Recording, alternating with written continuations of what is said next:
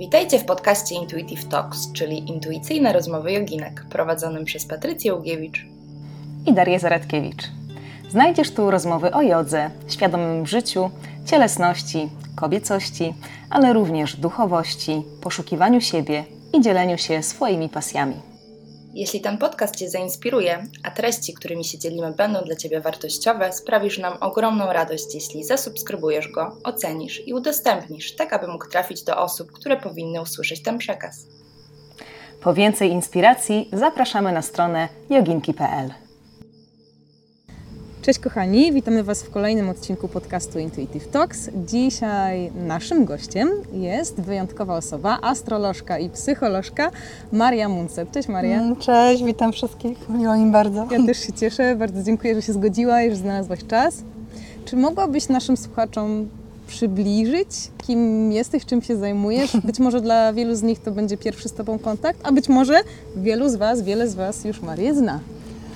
Czym ja się zajmuję? No, najprościej rzecz biorąc, to zajmuję się astrologią w bardzo, bardzo wielu polach i przestrzeniach. E, jestem też właśnie psychologiem, czyli też to, co robię, to jest taka astrologia bardzo mocno psychologiczna, gdzie ważne jest to, żeby nie tylko właśnie skupiać się na samej astrologii, ale też, żeby to, co ja mówię, czy przekazuję ludziom, coś dawało konkretnego, w jakiś sposób wspierało w rozwoju, w jakiś sposób wspierało w rozumieniu siebie, w lepszym poznawaniu siebie, poznawaniu swoich potencjałów, radzeniu sobie z tym, co trudne, właśnie tak trochę od psychologicznej strony, czasem coachingowej, czasem, czasem wręcz terapeutycznej. No teraz, teraz odeszłam już dosyć mocno od e, prowadzenia sesji indywidualnych, ale coraz bardziej za to jestem w takim kierunku uczenia ludzi, jak sami mogą korzystać z astrologii w swoim życiu, trochę inspirować tym właśnie poprzez moje teksty, czyli co się dzieje na niebie i co to dla nas oznacza, jak możemy z tego korzystać ale także poprzez, e, poprzez robienie takich też analiz jak astrokalendarze, które opisują cykle indywidualne, ale też właśnie się przymierzam coraz bardziej do powrotu do uczenia astrologii, do otworzenia swojej szkoły astrologicznej. Właśnie to jest, to jest taki plan na najbliższy czas, ponieważ bardzo mi zależy na tym, żeby ludzie uczyli się, jak mogą sami w swoim życiu korzystać z astrologii, już nie poprzez to, że jest jakiś astrolog i im powie, bo mam poczucie, że to już trochę nie ten czas jest, że już jesteśmy trochę w innym miejscu i już trochę, trochę to nie jest czas na guru i na jakieś takie tajemne wiedzy, tylko że po prostu astrologia dzisiaj jest dostępna, w sensie już nie trzeba umieć samemu wyliczać horoskop. Jak ja zaczynałam się bawić astrologią, to musiałam sama gdzieś tam wyliczać. Teraz są komputery, teraz jest to wszystko dużo bardziej dostępne, natomiast ważne jest to, żeby uczyć astrologii takiej, która naprawdę jest wspierająca, która naprawdę pokazuje możliwości, która naprawdę poszerza naszą wiedzę o sobie, a jednocześnie poszerza naszą samoakceptację, bo do tego jest jest niezwykle przydatna astrologia. Hmm, pięknie. Na pewno będę Cię jeszcze o to pytała mhm. i wspaniale też, że sama ten kierunek zarysowałaś, bo miałam mhm. nadzieję, że to tak popłynie, że właśnie też porozmawiamy o tym, jak astrologia w naszym życiu, w takim praktycznym wymiarze mhm. dzisiaj e, jest przydatna, ale może powiedz, kto Ciebie tej astrologii uczył i jak ona się w Twoim życiu pojawiła? Wiesz co, ja nie mogę powiedzieć, że miałam jakiegoś konkretnego nauczyciela. Był taki czas, kiedy jeździłam trochę po różnych warsztatach, czy chodziłam różne na szkolenia, ale to było takie bardziej jako taki dodatek, jako taka inspiracja, troszeczkę takie podkręcenie siebie w rozwoju astrologicznym, natomiast mam poczucie, że astrologia generalnie to jest coś, czego się uczymy, znaczy ja się na pewno uczyłam sama poprzez po prostu analizę nieprzeliczonej liczby horoskopów, poprzez właśnie obserwowanie świata, e, obserwowanie ludzi, obserwowanie siebie, obserwowanie tego, co się dzieje w świecie i patrzenie, jak to się ma do tego, co na niebie, że to gdzieś jest takie najfajniej samemu to sprawdzać i badać i patrzeć, jak, jak to działa, a nie wyczytać w książce, że, że tak jest. Bo to takie, nie wiem, to mi, to mi nigdy nie wystarczało, że wyczytam w książce, że jest jakoś. Ja to lubię sama zaobserwować, sprawdzić i to astrologia jest taką fajną, fajną zajawką dla kogoś, kto ma takie trochę badawcze podejście do rzeczywistości i lubi to sam sobie rozkminiać wszystko. Więc raczej tak, raczej byłam samoukiem i raczej, raczej eksperymentowałam z tą astrologią. No i zaczęłam wcześniej, bo znaczy wcześniej, nie wiem czy to jest wcześniej, ale gdzieś koło 15-16 roku życia e, wypożyczyłam pierwszą książkę do profesjonalnej astrologii i zaczęłam, zaczęłam też wyliczać sama horoskopy, je rysować, wtedy to jeszcze nie miałam nawet komputera, więc to było takie troszeczkę bardziej, trochę inne niż dzisiaj. Ekstra. Niesamowite. A powiedz proszę, naprawdę jest jakoś? Czy jest tak, że każdy właśnie też z tą astrologią może zrobić taki użytek, jaki na dany moment jest dla niego najlepszy? Bo czy faktycznie jest tak, że um, ustawienie planet, czy to, co się dzieje na niebie, jeden do jeden przełoży się dla wszystkich wodników na coś, dla wszystkich baranów na coś. No właśnie, ja tak podejrzewam, ale gdybyś mogła to opowiedzieć od Twojej strony. Znaczy zacznijmy od tego, że w ogóle dla baranów i dla byków to to jest nie astrologia, tylko tak zwana astrologia gazetowa, która astrologią nie jest, ponieważ no, no to, że, to, że masz słońce w baranie, to nijak się ma do tego, że, że jakby masz w horoskopie dużo więcej niż to jedno słońce w baranie, do tego możesz to słońce mieć, nie wiem, na pierwszym stopniu, a ktoś inny ma na 20 stopniu i zupełnie co innego Was będzie spotykać w tym tygodniu, czy w miesiącu i tak dalej. Więc to jest dużo bardziej złożone i akurat astrologia gazetowa jest tak poważnym uproszczeniem, że już, że jest tak naprawdę, no, jest karykaturą astrologii, tak? To tam, tam nie ma co szukać tak naprawdę, niczego, niczego wartościowego. E, natomiast tak, no więc, natomiast właśnie, no jeżeli, ja piszę teksty na przykład, czy, czy staram się robić coś, co, co nie, nie jest no bo jest, jest taki poziom takiej całościowej analizy, którą robi astrolog dla Ciebie personalnie, i to jest bardzo konkretna, duża praca, która obejmuje bardzo, bardzo dużo elementów i to wtedy jest, ma też tą określoną wartość. Natomiast jeżeli piszę coś na przykład o tym, że w tym tygodniu mamy takie a takie aspekty na niebie, no to muszę się rzeczy gdzieś balansować na tym pomiędzy uproszczeniami zbyt dużymi, a zbytnią, zbytnią dużą szczegółowością, ponieważ no, to musi jakoś być przydatne. E, natomiast, no, po pierwsze, to zawsze zależy, to, to, jak Ty jakiś wpływ odbierzesz, zależy po pierwsze od Twojego horoskopu urodzeniowego, czyli pewne rzeczy mogą na Ciebie zadziałać mocniej, inne słabiej. Do tego e, zawsze się, jeżeli na przykład jest jakaś pełnia w znaku na przykład, to okej, okay, może być ona, może akurat ona aktywować coś ważnego w Twoim horoskopie, wtedy zadziała na Ciebie mocniej, może nic szczególnego nie aktywować, wtedy może zadziałać słabiej, ale zawsze też wypada w jakimś domu, to znaczy aktywuje jakieś konkretne Twoje sfery życia, i tam się coś może faktycznie zadziać, tak? Ale to też zależy od tego, jak ty się masz z tymi sferami życia. Jeżeli u ciebie na przykład jest bałagan, nie wiem, w pieniądzach i akurat tam wypada pełnia, no to raczej coś się zadzieje, nie?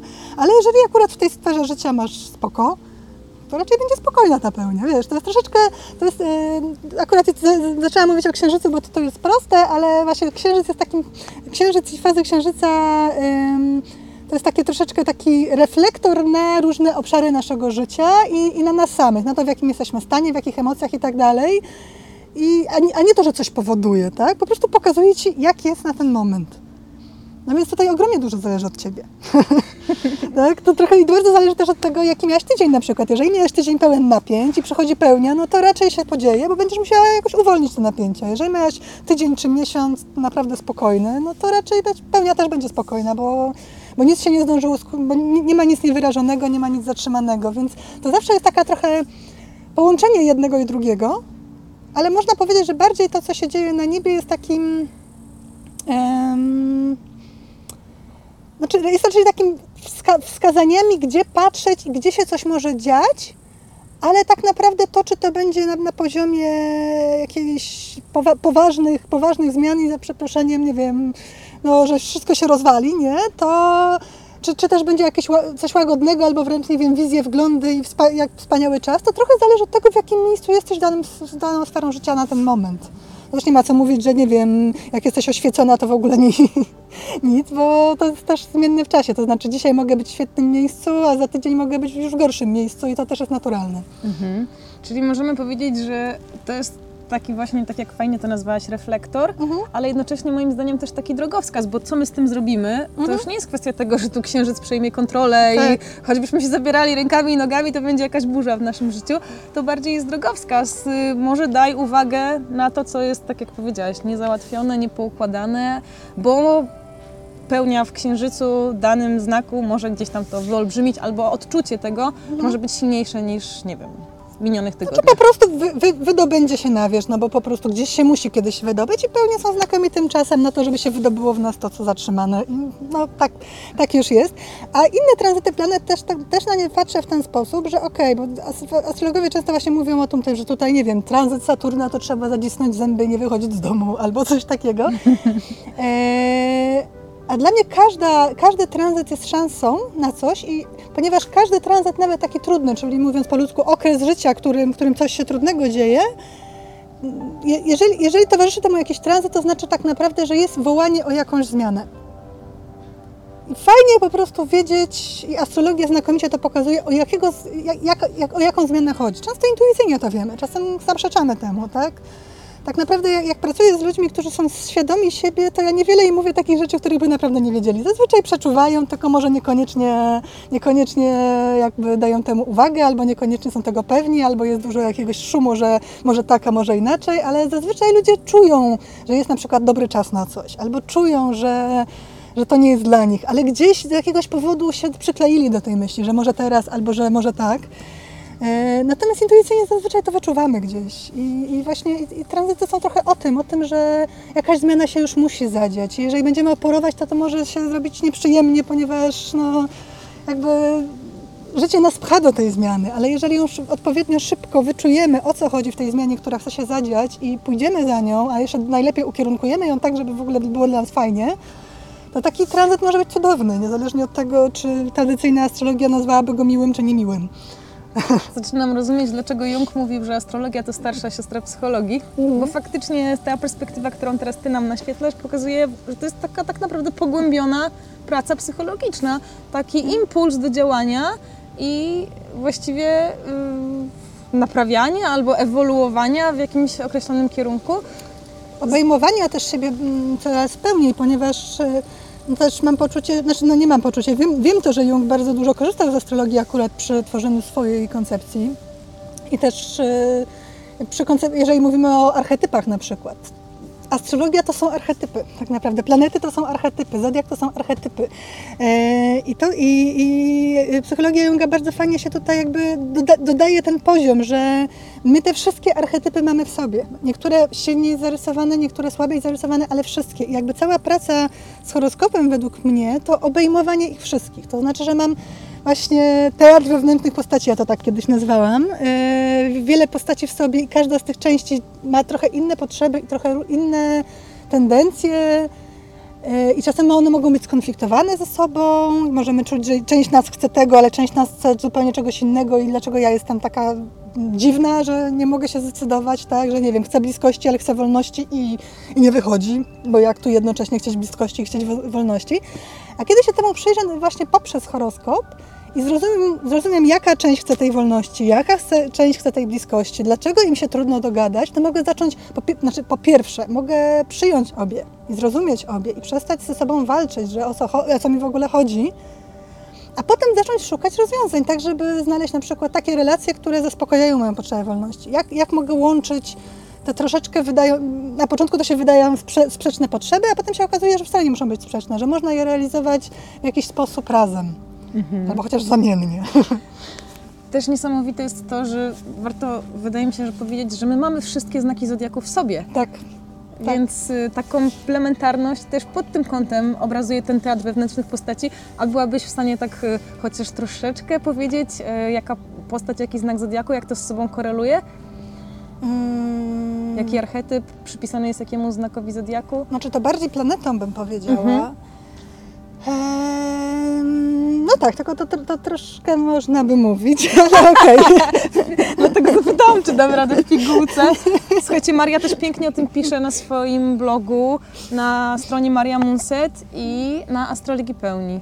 Ale może uda nam się jakoś tak chociaż zarysować. Wiesz, mamy chociaż, kilka. Chociaż, żeby tak po prostu zobaczyć, o co chodzi.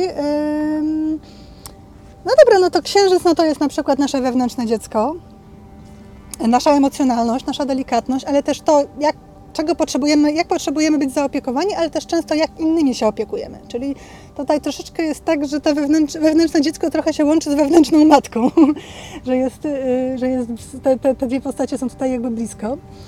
E, ale też taka nasza wrażliwość. Natomiast jeżeli mówimy o archetypie, no to to jest zdecydowanie wewnętrzne dziecko, czyli to takie potrzebujące zaopiekowania, troski, uwagi. E, Mars na przykład to jest taki nasz wewnętrzny wojownik, niezależnie od płci. E, czyli to w jaki sposób działamy, w jaki sposób zdobywamy to, czego chcemy, w jaki sposób walczymy o swoje, ale też bronimy tego, co dla nas ważne. Wenus no to jest ta wewnętrzna uwodzicielka, ale też taka właśnie to, w jaki sposób czerpiemy ze świata, tak? w jaki sposób przyciąga, właśnie w przeciwieństwie do tego Marsa wojownika, który idzie z siekierą tam, czy tam z maczugą i walczy o swoje, to, to właśnie Wenus to jest ta nasza, nasza część, która jakby w jaki sposób przyciągamy to, czego chcemy, w jaki sposób e, uwodzimy też, w jaki sposób też czerpiemy przyjemność z tego, co jest. W taki sposób jakby korzystamy z tego, co jest, tak? Mars to jest ten wojownik, który zdobędzie, a potem leci kolejną rzecz zdobywać, a Wenus to jest właśnie ta, która się umie, właśnie ma się, potrafi się rozgościć w tym, w tym, co jest i doświadczać tego, więc no, oczywiście to wszystko zależy, ponieważ jak masz to, to te, tego Marsa w jakimś takim bardziej, nazwijmy to, pasywnym znaku, to będzie trochę inaczej, a Wenus możesz mieć na przykład w baranie i wtedy raczej walczysz troszeczkę o to, co, o, o to, co, co chcesz przyciągnąć. No to, to jest masa, masa niuansów po tym, jak się, jak się na to patrzy. Ale tak, tak naj, najprościej właśnie tymi archetypami to tak wygląda. Jowisz na przykład to jest taki nasz wewnętrzny nauczyciel. I to jest też fajne właśnie, żeby na to patrzeć, że ok, są planety osobiste, czyli właśnie do Marsa, tak jeżeli chodzi o odległość do Słońca, to aż do Marsa, od Jowisza zaczynają się ręce społeczne, i o ile osobiste, to wszyscy mamy dostęp do nich na co dzień, bo po prostu no, wszyscy potrzebujemy czasem co, coś zrobić aktywnie jak Mars, albo chcemy też czasem, nie wiem, doświadczać przyjemności jak Wenus, bo Wenus jest też od budowania relacji, tego o tym jakoś nie wspomniałam, ale bo to jest też bardzo ważne. E, natomiast Jowisz na przykład już jest taką częścią, do której mamy dostęp wtedy, kiedy właśnie kiedy zaczynamy innych czegoś uczyć, kiedy zaczynamy przekazywać swoją wiedzę, e, kiedy, kiedy to jest nasz taki wewnętrzny nauczyciel, ale też właśnie ten, korzystamy z tej wewnętrznej postaci wtedy, kiedy sami stajemy w miejscu nauczyciela, czy kogoś, kto jest dla innych autorytetem, czy kto, kogoś, kto przekazuje swoją wiedzę i tak dalej pozycji Saturna stajemy wtedy, kiedy zaczynamy czymś zarządzać, kiedy stajemy się, nie wiem, w jakimś kierowniczym stanowisku, kiedy że coś musimy ogarniać i jesteśmy właśnie w tym miejscu zarządzania, że tak powiem, czymś większym niż my i nasze życie. To jest Saturn, więc tych postaci wewnętrznych jest sporo i one się przydają w różnych sytuacjach. Merkury to jest właśnie nasz taki komunikator, intelekt, używamy go do tego, żeby właśnie e, no, komunikować się z ludźmi też, nazywać to, co widzimy na przykład też więc jakby mamy, mamy, to troszeczkę jest tak, jakbyśmy mieli taką talię kart i mieli ileś tam tych kart postaci, każda troszeczkę inna. Do tego one, ja mówię tutaj archetypami, czyli że Merkury to od myślenia i intelekt, a Wenus to od przyjemności, ale każdy ma tak, że każdy ma tego Merkurego, czy tą Wenus w jakimś znaku, w jakimś domu i jeszcze w jakichś tam aspektach, więc wyraża się w zupełnie inny sposób, unikalny. No i mamy tą talię postaci i w różnych sytuacjach życiowych możemy skorzystać z różnych tych kart, tak? Y, natomiast właśnie fajna jest ta taka praca astrologiczno-psychologiczna, że wiele z nas, mm, wielu z nas e, w jakimś sensie, na jakimś etapie życia stwierdza, że tej postaci nie lubimy. Bo na przykład, nie wiem, byli, y, ta, ta część nas była krytykowana w dzieciństwie, że tak nie wolno, nie? Albo rówieśnicy się śmieli z tej części, albo coś tam. E, I stwierdzamy, że w ogóle nie chcemy tacy być, chcemy być inni, Wybiera, preferujemy, preferujemy jedne wewnętrzne postacie, inne odrzucamy. E, albo nawet w ogóle zamykamy się jakoś bardzo w jakimś takim bardzo wąskim zakresie siebie. No i to jest, no po, no, po pierwsze te, te, te wyklęte i, i tłumione części nas zazwyczaj się jakoś do, dopominają o uwagę i jeżeli na przykład, no nie wiem, ktoś ma gdzieś barana, którego nie lubi, bo jak można być tak agresywnym i egoistycznym, przecież jestem delikatną rybą nigdy w życiu, no to to nieświadomie ta, ta część barana będzie wybijać w jego życiu. Po prostu, bo no, no gdzieś, gdzieś jest cały czas. Dlatego to jest bardzo ważnym takim elementem w tym, czego ja uczę w astrologii, to właśnie obejmowanie wszystkich swoich części i, i, i dostrzeganie ich, i dawanie im przestrzeni i taka zgoda na to, że no to wszystko jest miejsce.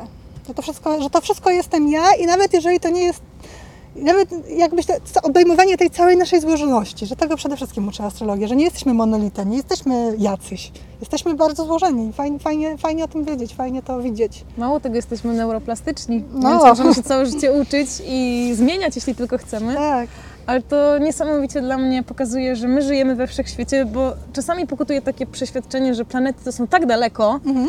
że co my z nimi mamy wspólnego, że to jest po prostu tak odległe, a zobaczcie, to co mówi Maria, dla mnie po prostu idealnie wpisuje się w tą właściwie w jogę, w jedność.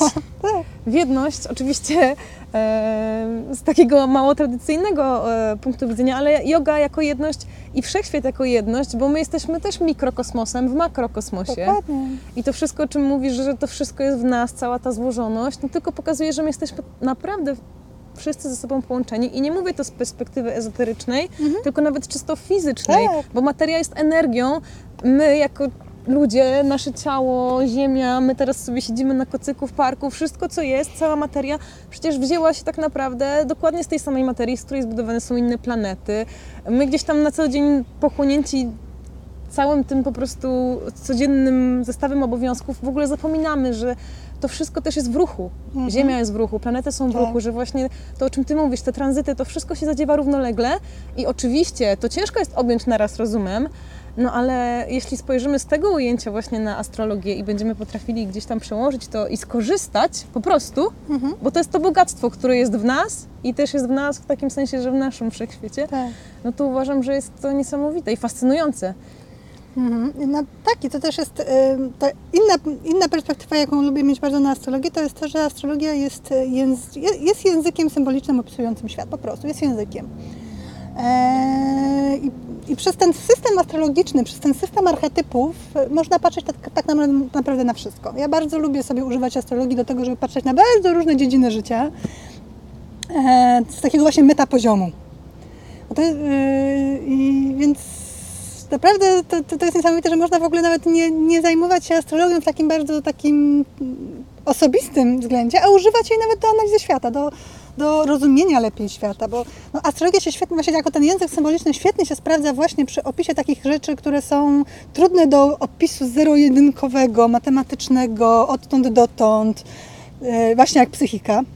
Jak- Także jak, nie wiem, sny, jak procesy, jak, jak nawet procesy historyczne, e, jak procesy mm, transformacji myśli na przykład ludzkiej, tak, światopoglądów, religii, religii, to wszystko dużo lepiej opisuje właśnie język astrologii niż język taki odtąd dotąd, daty, tu się zaczęło, tu się skończyło, bo to nie daje nam zrozumienia, o co tak naprawdę chodziło, a właśnie taki język astrologii no, daje, daje wgląd dużo lepszy e, niż, niż jakikolwiek inny język, jaki znam.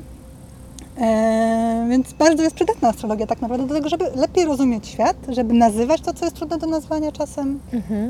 I procesy przede wszystkim rozpoznawać. Jak, bo, jeżeli, wie- bo, bo jeżeli rozpoznajesz na przykład w czymś jakiś proces, który znasz z astrologii, no to też wiesz, co będzie dalej. A możesz podać przykład? Jaki matko. proces masz na myśli? Żeby taką analogię zarysować. Teraz właśnie nie wiem, czy niczego konkretnego na myśli. Mm, znaczy, no, okej, bo chciałam, mm, chciałam jakoś tak globalnie, politycznie, ale to mi tak raczej nie wyjdzie, natomiast mogę zacząć właśnie, bo to, to, to, to, to, to mi się lepiej kojarzy terapeutycznie, bo na- nad tym pracowałam ostatnio. E, czyli nad tym, że zodiak można, można postrzegać na przykład, y, w ogóle zodiak to jest tak naprawdę mm, cykl, opis cyklu. Y, cykl, który ma 12 etapów. E, I jak znasz zodiak, to wiesz jakby jak te kolejne etapy wyglądają i możesz ten cykl przykładać do różnych rzeczy, które się dzieją, do wszystkiego tak naprawdę. Możesz przyłożyć, nie wiem, do, do znajomości, że znajomość zaczyna się od barana, potem od fazy barana, potem ma fazę byka, potem ma fazę bliźniąt, od projektu jakiego, że nie wiem, Baran to jest ten etap, kiedy wymyśliłaś i masz, o Jezu, chcę, chcę, chcę. Potem masz etap byka, czyli zaczynasz konkretyzować. Potem etap bliźniąt, czyli zaczynasz też zbierać więcej informacji wokół tego i tak dalej. A na przykład w terapii e, też, e, znaczy też jakby przechodzimy te wszystkie, te, te wszystkie etapy. E, I też, też właściwie tak naprawdę zaczynamy od barana, czyli od tego, że w ogóle takiej decyzji bo przedtem jest, przed, przed baranem jest etap ryb. I etap ryb to jest ten etap, który często się kojarzy właśnie z takim totalnym zagubieniem. Znaczy w, w negatywnym sensie teraz, no bo jakby no, jak ktoś jest szczęśliwy w etapie ryb, to raczej nie szuka terapii. Takim totalnym zagubieniem i takim totalnym często właśnie nałogami, czasem psychozą, czasem takim depresją, zupełnie nie wiem co się ze mną dzieje i w ogóle czego ja chcę i dlaczego. I jak, jeżeli przechodzimy do tego etapu barana, to jest ten etap decyzji. Okej, jednak idę na tą terapię. Tak, to jest ten moment, dobra, zmieniam życie, coś robię, cokolwiek robię, idę na terapię. Więc to jest ten moment takiego, takiego ruchu. A potem etap byka to jest etap budowania bezpieczeństwa na tej terapii. I, I powrotu do ciała. I w ogóle jakby uczenia się jakichś takich narzędzi, jak dbać o swoje poczucie bezpieczeństwa w ciele i w ogóle w relacji też z terapeutą. Czy oczywiście to pewnie zależy od podejścia, ale takie, co ja, co, co, co dla mnie są przekonujące, no to uwzględniają ten etap, że trzeba się najpierw poczuć bezpiecznie. I trzeba jakby też na, nauczyć się troszeczkę poruszać w, tym swoim wewnętrznym świecie, czyli nabyć takie najbardziej takie podstawowe narzędzia, które pozwalają wchodzić, wchodzić dalej, a nie od razu ups, największa trauma.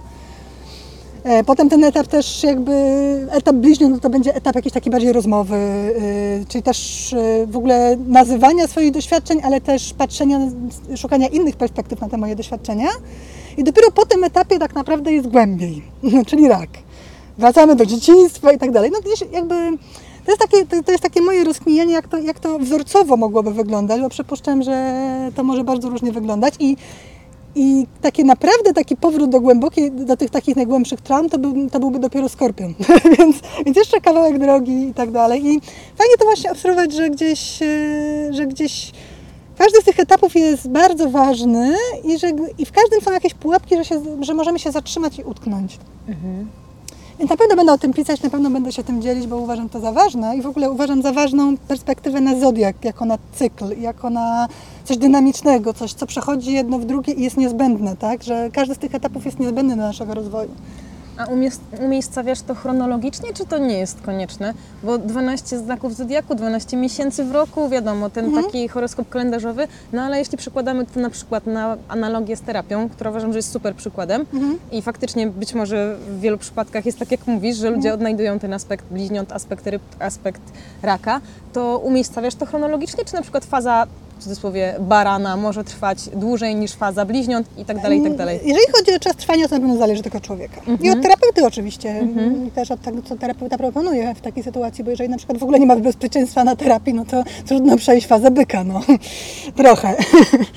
um, Natomiast nie, trwać to może dowolnie, też, też myślę, że od człowieka to zależy, że są fazy, które, które nam po prostu zwyczajnie trudno, trudniej przejść, a są takie, które nam łatwiej przejść.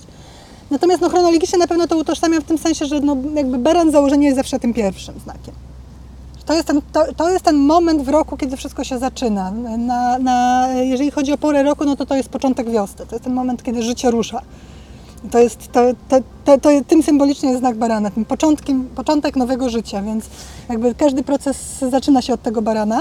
Chociaż trzeba pamiętać, że przed, przed nim był, był z poprzedniego cyklu ryby. Czyli gdzieś, gdzieś dopiero z tych ryb wynurza się ten baran w jakimś momencie. I czasem to trochę potrwa, zanim się wynurzy ten baran. Mhm. Więc tak samo z projektami, jeżeli długo, długo nic się nie, nie, nie, wynurza, abyśmy chcieli, żeby się coś wynurzyło, ale jeszcze nie mamy pomysłu, no to znaczy, że jesteśmy w rybach i trzeba się w nich odprężyć po prostu. Pozwolić, żeby zaufać, pozwolić, żeby, żeby ten proces tego pływania w wodach płodowych y, potrwał tyle, ile ma potrwać. Tak? Bo, bo jak przyjdzie baran, to poczujemy i będziemy wiedzieli, ok, jest energia. Okej, rodzę się. To faktycznie daje takie głębsze zrozumienie i gdzieś tam też odpuszczenie, myślę, że na wielu etapach. Dokładnie. Żeby na siłę nie spinać się, tylko tak jak mówisz, czasami pozwolić sobie płynąć. Tak, i też narzędzia astrologiczne, okej, bo ja tutaj mówię o takim, takim ogólnym wzorcu, Natomiast no jak jeszcze na przykład znasz, e, no to co ja robię na przykład, to co ja robię w astrokalendarzu, no to jest e, cykl planet przez domy, między innymi właśnie Wisza i Saturna. No i tam masz to jakby też, y, y, znaczy w ogóle tych cykli jest od groma, ale akurat Jowisz i Saturn bardzo fajnie widać w naszym życiu społecznym, czy w naszym, w tym jakby w takiej naszej, naszej karierze, w tym co robimy zewnętrznie bardzo często. Y, I tam na przykład, no jeżeli masz na przykład Jowisza i Saturna w 12 domu, no to to jest ten czas, kiedy właśnie nurkujesz. Kiedy, kiedy jakby no też jakby domykasz pewne rzeczy z przeszłości. I to jest coś, co jakby astrologia Ci powie dokładnie od kiedy do kiedy precyzyjnie. I, że, że, I to jest coś, co naprawdę ogromnie ludziom pomaga. Także jeżeli chodzi o jakieś takie tranzyty, czyli takie trudniejsze momenty w życiu albo takie większe wyzwania, że okej, okay, jedno to to, że po co to jest i czemu ten czas służy, ale drugie to kiedy się skończy. To jest bardzo przydatna informacja. I zdejmuje z Ciebie takie poczucie, że już powinien się skończyć, że dlaczego tyle trwa, że w ogóle co to jest, a może to całą resztę życia będę tak... Tak, to ludzie, ludzie lubią tak myśleć o sobie, że właśnie zero-jedynkowo, tak? Albo działa, albo nie działa i że w ogóle zawsze trzeba być efektywnym i zawsze trzeba, nie wiem, być sprawnym i jakoś aktywnym. To nasza kultura też tak troszeczkę nas jakby tak ustawia, że tylko kiedy działamy i coś robimy, to jesteśmy coś warci, a, a właśnie nauka cykliczności, nie tylko astrologicznej, bo także cyklu menstruacyjnego, innych cykli, ale no chyba głównie, głównie tych dwóch, czyli, różnych, czyli astrologicznych różnych, także księżycowych i planetarnych i właśnie menstruacyjnego. Uczy nas tego powiązany. bardzo. E, uczy nas tego, że jakby no wszystkie, wszystkie etapy cyklu są niezbędne i niektóre są po prostu zwijaniem energii do środka, tak? Niektóre są odpoczynkiem, że jakby no, że po tworzeniu jest ten czas właśnie domykania i tak dalej i że to jest konieczne, że nie może być ciągle w tym iściu do góry. Mhm. Że to nie, nie tak cykl wygląda. Mhm. Czyli dobrze rozumiem, że na przykład w momencie, w którym my na siłę stworzymy opór Mhm. i będziemy próbowali wypierać jakiś fakt astrologiczny, na przykład, że nie, właśnie, że teraz już, jutro będzie lepiej, to nieprawda, że za rok albo za miesiąc albo za tydzień, jutro będzie lepiej, to właściwie ten opór rodzi opór, a i tak faktycznie jakaś głębsza tranzycja synchronizuje się z tym, co pokazuje wiesz- nam kalendarz? Znaczy, wiesz co, to jest tak, że y, lepiej. To jest strasznie względna, strasz- strasznie względna rzecz, co znaczy lepiej, bo y, dla mnie ważne jest to, że ten czas jest na coś. Być może Że nie, optymalnie go wykorzystać Tak. na to, co... Mhm. bo być może nie jest, być może to nie jest zgodne z tym, co twoja głowa wymyśliła, żeby teraz chciała. Mhm. I jeżeli będziesz bardzo, się będziesz bardzo przywiązana do tego, że ty właśnie teraz chcesz zrobić to, Mhm. a ja ci powiem, no ten czas nie, nie szczególnie na to, to, może, to, to możesz oporować i koniecznie chcieć, że jednak to, ale to tak naprawdę oznacza tylko tyle, że trochę zmarnujesz ten czas, który był na coś, w sensie, że nie, nie wykorzystasz go na to, na co on naprawdę na ten moment jest. Mhm. I po prostu warto, bo no, astrologia też pokazuje często, że masz, pewne okresy się w życiu już nie powtórzą na przykład. Inne się powtórzą za 12 lat, dajmy na to. E, naprawdę trochę szkoda tracić ten czas, kiedy, e, kiedy to jest naprawdę na przykład jedyna okazja na to, żebyś, nie wiem, na przykład e, rozwiązała swoje sprawy rodzinne z domem rodzinnym na przykład. I to jest na to, na przeżycie tych emocji na przykład, czy na, powie, czy na powiedzenie czegoś w domu, a ty na przykład uważasz, że w ogóle domu mnie nie interesuje, zajmuję się karierą, nie? Więc, więc czasem, czasem naprawdę warto, wa- no w ogóle warto to wiedzieć, na co jest dobry czas, bo to tak fajnie trochę ustawia perspektywę, a z jednej strony, a z drugiej strony, wiesz, to też jest tak, że hmm, bo, bo może się komuś wydawać, że to astrologia generalnie, to ktoś mi mówi, że tak jest i ja mam się teraz dostosowywać do tego. Prawda jest taka, że, astro, że jak znasz astrologię, a jedno, to, to jest dokładnie to samo, co mówi intuicja. To, w sensie, że to, to jest dokładnie ta sama informacja. Że jeżeli, masz, jeżeli naprawdę potrafisz słuchać intuicji i tam nie ma jakichś zafałszowań, że jakąś iluzję sobie stwarzasz, to, to, to właściwie nie potrzebujesz astrologii, bo astrologia ci powie to samo. Jesteś swoim wewnętrznym astrologiem. To Mhm. dokładnie, jeżeli, jeżeli naprawdę, naprawdę jesteś totalnie zgrana ze sobą i z tym, gdzie twoja energia się kieruje i na co i czego teraz potrzebujesz, to właściwie nie potrzebujesz, a przynajmniej tej astrologii, która mówi o tym, na co jest dobry czas. Bo to jest to samo. Oka- pr- praktycznie zawsze się okaże, że to jest dokładnie to samo. Natomiast no, my jako ludzie potrafimy sobie bardzo zaplątać tutaj sytuację. I nawet jeżeli czujemy, że na coś jest dobry czas, to jednocześnie czujemy, że dobry czas jest także na 10 innych rzeczy, a poza tym tu nas ktoś poprosił, a poza tym to tutaj chcą od nas czegoś, a, a my też czegoś, nie wiem, coś chcemy domknąć, bo wydaje nam się, że to jest ważne. W końcu nie znajdujemy czasu na to, co jest najważniejsze. E, I, I astrologia jest też taki, taką, takim dobrym przypom- przypomnieniem wtedy. Słuchaj, teraz masz na to czas. Ten czas minie, więc lepiej skorzystaj z niego, a nie odkładaj na później. A na te inne rzeczy będzie dobry czas później na przykład. Mhm. Bardzo praktyczna wiedza. Tak, i myślę, że taki też piękny rodzaj planowania, Tak, no, optymalizacji. no to dlatego nazwałam to moją pracę, którą już, której już nie robię astrocoaching. Bo to o to chodziło tak naprawdę, że mogę mieć ileś tam pomysłów, co ja chcę zrobić w życiu, albo mogę ich nie mieć, ale nie, prawda jest taka, że zawsze jak pracowałam z ludźmi i mówili, że nie wiedzą, co chcą, co chcą zrobić w życiu, to jak ich dopytywałam, a co by tak, a gdyby tak mieli pierwszą z, z brzegu rzecz rzucić, to zawsze się coś pokazywało. Więc zazwyczaj wiemy, tylko sobie na to nie pozwalamy, zatrzymujemy, tak? nie, nie, nie dajemy sobie prawa, żeby, żeby zrobić to, co tak naprawdę byśmy chcieli zrobić. Yy, Natomiast inną rzeczą jest poustawianie sobie tego w czasie po prostu. Bo nie da się wszystkiego na raz, bo są też jakieś inne rzeczy ważne, na przykład emocjonalne, czy na przykład związane ze zdrowiem. I to one też są ważne i one też potrzebują czasu. Nie, nie wszystko się musi kręcić wokół, nie wiem, osiągnięć, sukcesów zawodowych, tak jak nasza kultura nas trochę uczy. Czasem jest na przykład, nie wiem, czas na relacje bardziej, żeby im się poświęcić.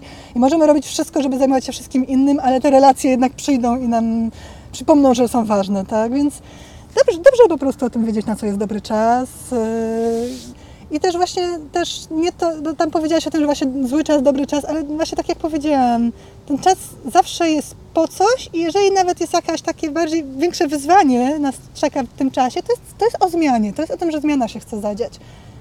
Więc e, dobrze to wiedzieć, jaka zmiana się chce zadziać, żeby też nie, nie stawiać jej oporu właśnie, bo po co, Mhm. tak?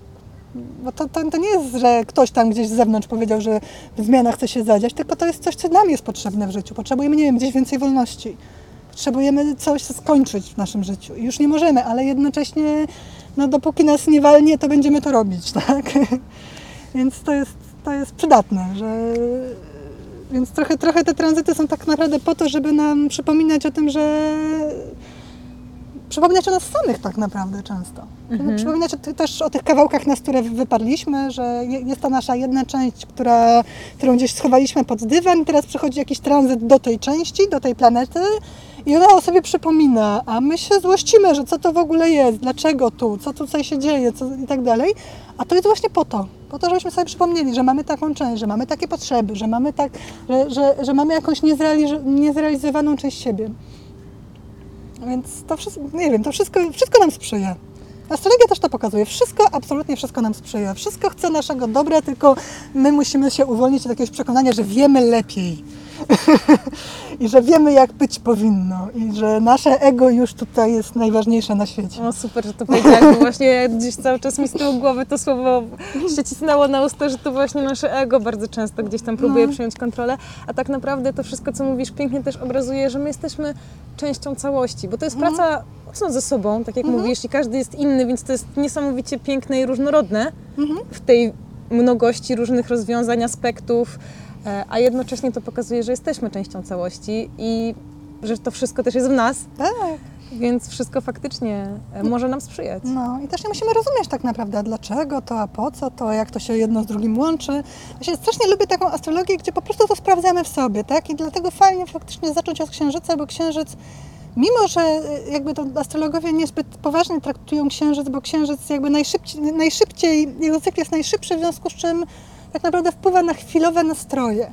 Nie na jakieś wielkie wydarzenia zazwyczaj. Znaczy, oczywiście, jak się pod coś podepnie, to taka pełnia czynów, czy zaśmienie zwłaszcza, może też ważne wydarzenia nam w życiu stworzyć, ale to jakby nie sam w sobie, coś tam się musi jeszcze więcej zadziać. Natomiast generalnie księżyc jest o takich naszych codziennych nastrojach, o tym, jak nam jest w ciele, o tym, jakie mamy potrzeby z ciała, takie to jest takie bardzo subtelne, bardzo delikatne i w, i w, naszej kulturze właśnie, gdzie to nie jest ważne w ogóle, emocje, nastroje, ciało, no to w ogóle pomijamy to. Natomiast ludzie, którzy zaczynają się kontaktować z ciałem, z emocjami, to też jednocześnie zaczynają odkrywać, jak bardzo im gra cykl księżycowy. Uwrażliwiają się nad niego bardziej. I mam poczucie, że właśnie im bardziej jesteśmy w kontakcie z ciałem i z emocjami, tym bardziej jesteśmy w kontakcie z księżycem, bo to jest bardzo, bardzo podobne. To jest właściwie no, no, no, o, o, tym samym. Hmm. E, więc faktycznie i, i, dlatego fajnie zaczynać właśnie nawet przygodę z astrologią od obserwowania tego właśnie, w jaki sposób ja przechodzę ten cykl.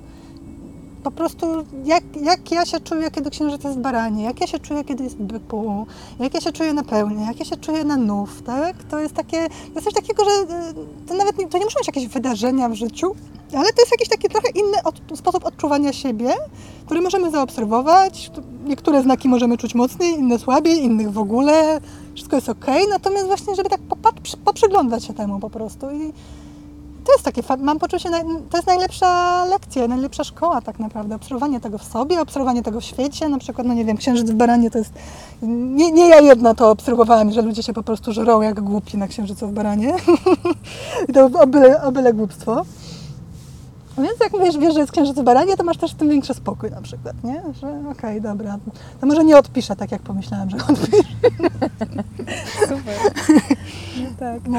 E, fajnie, że o tym powiedziałaś, że warto zacząć od księżyca. No mhm. pełnia jest y, bardzo regularna i ma, to taki moim zdaniem jest najbliżej w zasięgu też mhm. e, proces i cykl.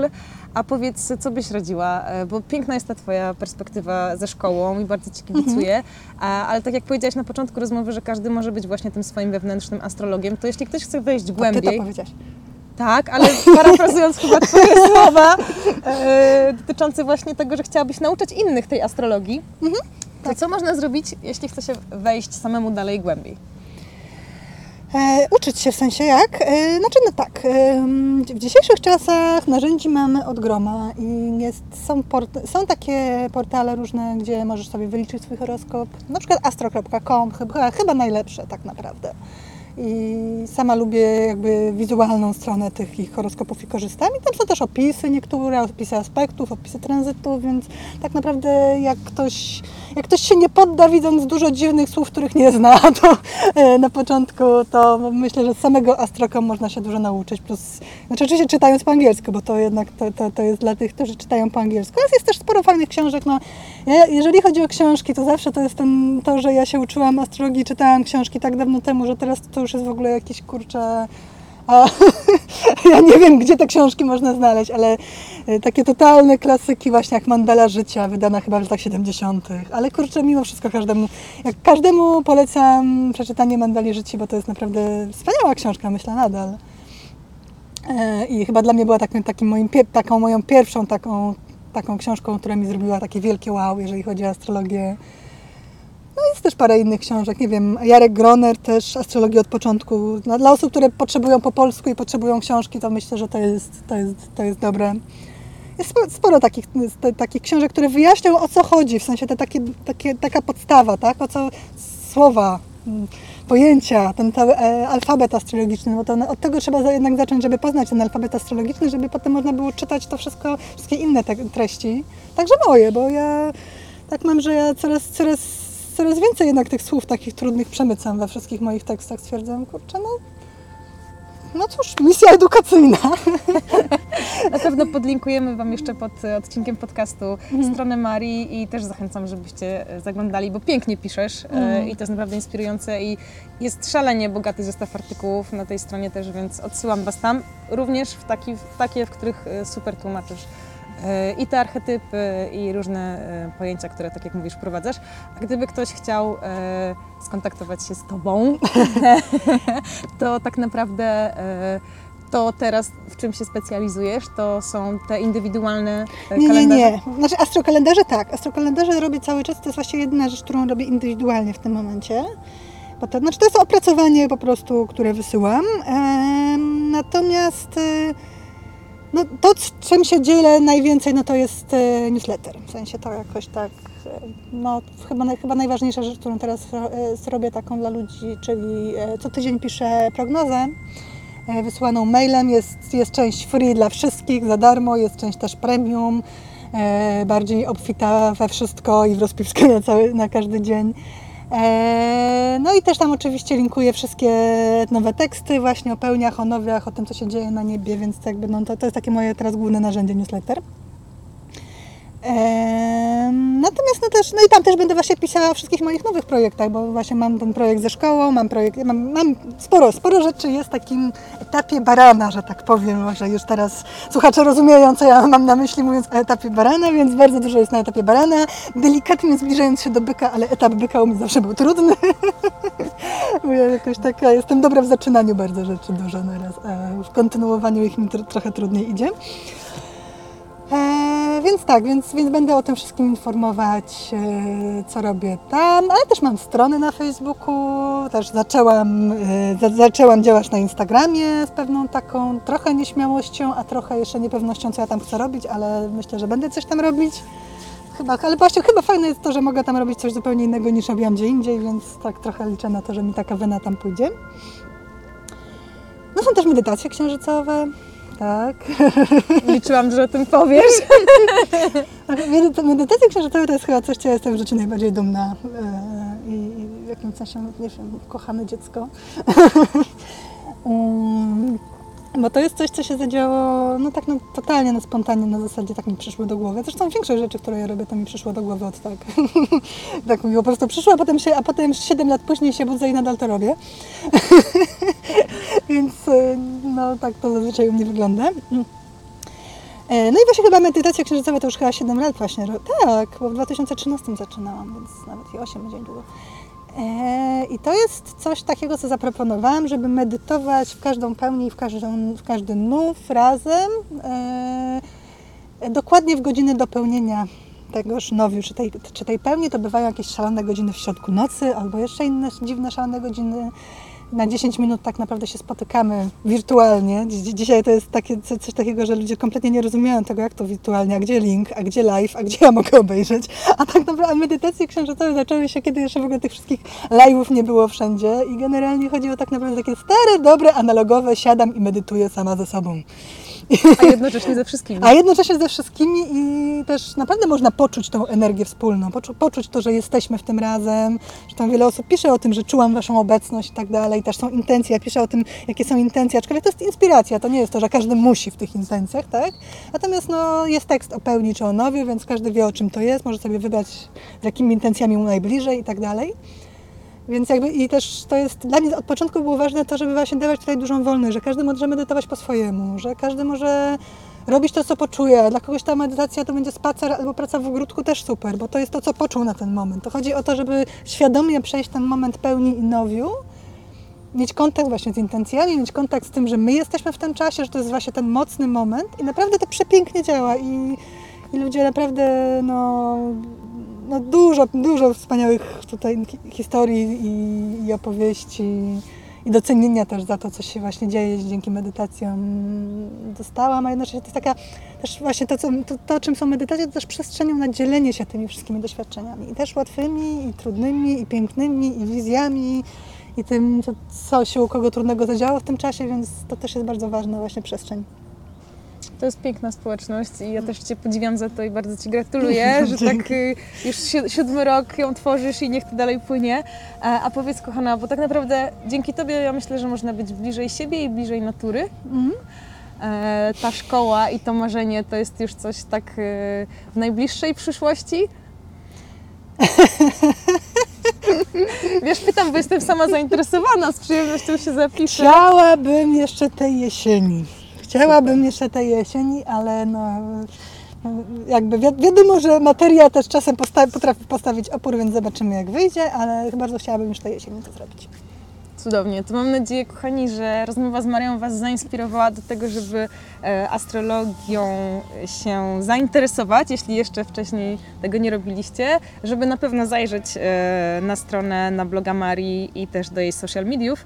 No i mam nadzieję, że e, będziecie ją śledzić podobnie jak ja i wspierać, żeby właśnie ta szkoła jak najszybciej powstała. Myślę, że to jest cudowny pomysł, który znajdzie wielu, wielu odbiorców. Dziękuję.